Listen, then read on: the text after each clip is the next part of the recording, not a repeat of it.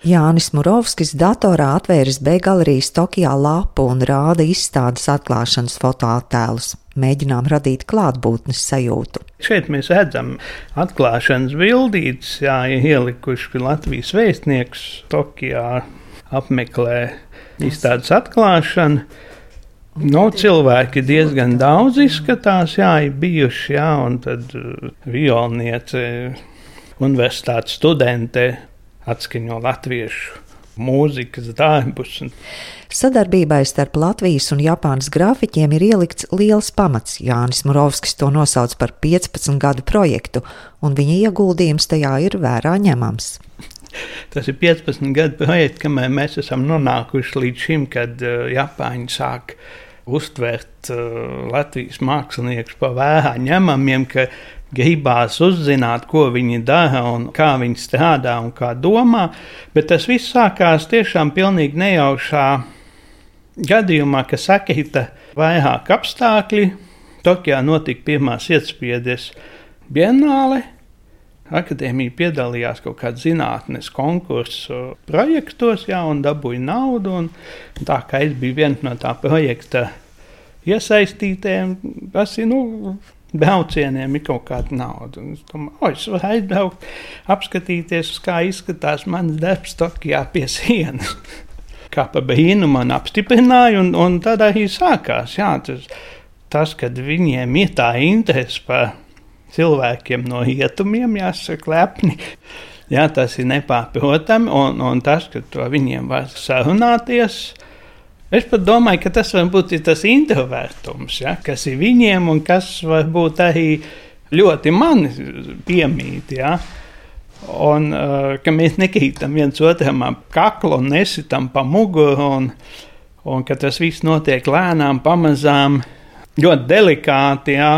Toreiz 2009. gadā radās pirmais kontakts ar dažiem japāņu māksliniekiem, taču, kā zināms, no vienas reizes nekas neveidojas, piebilst mākslinieks un turpina. Austrumzemes ir tā kā ir tās ietspiedes, tās manas interesu objekta izcelsmes vieta, jā, un tad uz toreiz braucot uz to Japānu, tur bija ļoti, ļoti interesanti tieši tā izpēta dēļ doktorantūras mācību sakarā un, un tās ietspiedes bienāli, kur man kā pa brīnumu pieņēma man darbu. nu jā, un pēc tam jau tad ir regulāri, regulāri sūtījusi tām Es iespēju bienālēm ik pa diviem gadiem, otrajā es pat dabūju kaut kādu balvu. Tur. Un, un šajā laikā, ja tā var teikt, viņi varbūt mani iepazina. Un 20. gadā notika interesants uh, pasākums, kad desmit uh, japāņu mākslinieki piedalījās konkursā, un viņiem bija iespēja uzaicināt vienu ārzemju mākslinieku kas viņiem šķiet interesants, jā, dažādās tehnoloģijās strādā. Un tas viens mākslinieks uzaicināja pēkšņi mani. Un tā es domāju, tā kā viņš ir tajā žūrijas komisijās, ir bijis tajās iespējas bienālēs, ja viņš kaut ko tur pamanījis. Jā. Tas bija tāds otrais pietuvināšanās brīdis, kad šoreiz jau šaurā kompānijā tā izstāde, un tad jau otrais brauciens uz Japānu. Un, un pilnīgi dabiski tas tajā brīdī pēkšņi šķita, ka man viņi jāuzaicina pie sevis tie mākslinieki. Tad, kad es viņiem prasīju, nu, jūs gribat atsūtīt darbus uz uh, Latviju un braukt? Jā, jā, jā. jā. Japāņu mākslinieku darbu izstāde ar nosaukumu Japānas stāsti notika Daugavpils Marka Rotko mākslas centrā. Paši mākslinieki neatbrauca, jo sākās Covid pandēmija, bet izstāde notika. Pēc tam Japāņi aicināja Latvijas māksliniekus pie sevis, un 2021. gadā notika pirmā miniatūra grafikas izstāde Tokijā. Latvijas dalībnieku atlasi uzticēja veikt Jānim Murovskim, un tie bija piecu galvenokārt pedagoģu darbi no grafikas katedras. Otrajā miniatūra grafikas izstādē, kas pašlaik skatām Tokijā, Latviju pārstāv septiņi mākslinieki. Lūk, pēc kādiem principiem Murovskis šoreiz veidojas kolekciju. Mēs viņiem esam tā kā tāds baltais laukums, nezināmā zeme, parādīt to dažādību, parādīt tās tehnoloģiskās iespējas, tos radošos meklējumus, tai pašā laikā iesaistīt dažādu pauģu strādājošus grafikas, tehnikās mākslinieks. Un es tā izdomāju, ka noteikti vajag vienu studentu, lai nu, tāda pārmantojamība. Ja? Un tā pirmajā gadā bija Agata Lielpētera, man diplomāti ar sietspiedē strādāja, un šogad to kolekciju veidoja Ella Mežula, ja, ISO un sietspiedas darbu.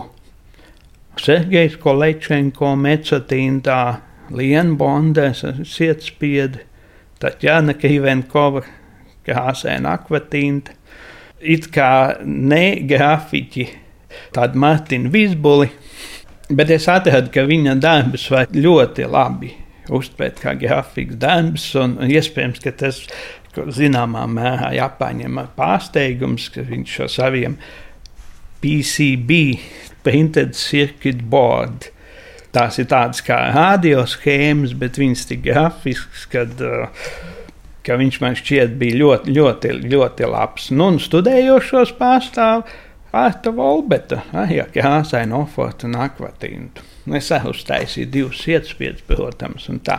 Mākslinieks rāda savu grafikas darbu, kādu sūtīs uz Tokiju. To varot nosaukt par misticismu, jo darbā turpina risināt netveramo svārstību, netveramo notikumu tēmu. Bet otrs darbs Nu, tas atkal tāds jautājums, jautājums tāda kā čivināšana, tāda kā pļāpāšana, tādas nosacīti tēli tur savā starpā. Bēgalehī savukārt uzaicināja Japānā dzīvojošu latviešu mākslinieku. Es neatradu viņa vārdu, bet viņam, es saprotu, ka tas ir viņa pseidonīmsUstins Dvinsks.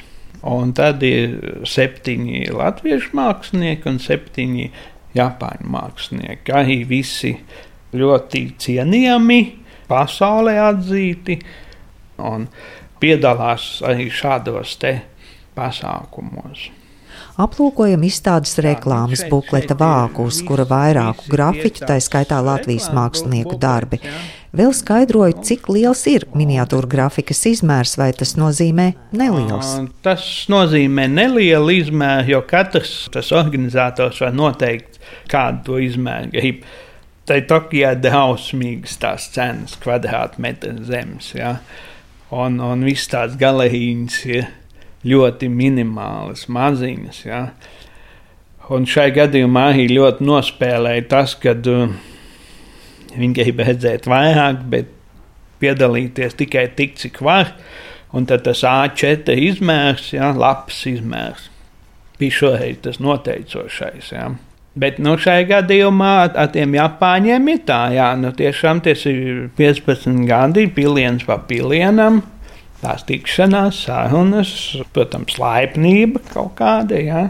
nepārspīlēta, bet nepārspīlēta. Un viņi atsūta mums, mēs viņiem, viņi mums, mēs viņiem. Tagad kārta Japānas grafiķu izstādē Latvijā, un tāda ļoti iespējams arī notiks. Vēl tikai jāizdomā, spriež Jānis Murovskis, vai tā būs trešā Japānas Latvijas, jeb varbūt Rīgas miniatūra grafikas izstāde.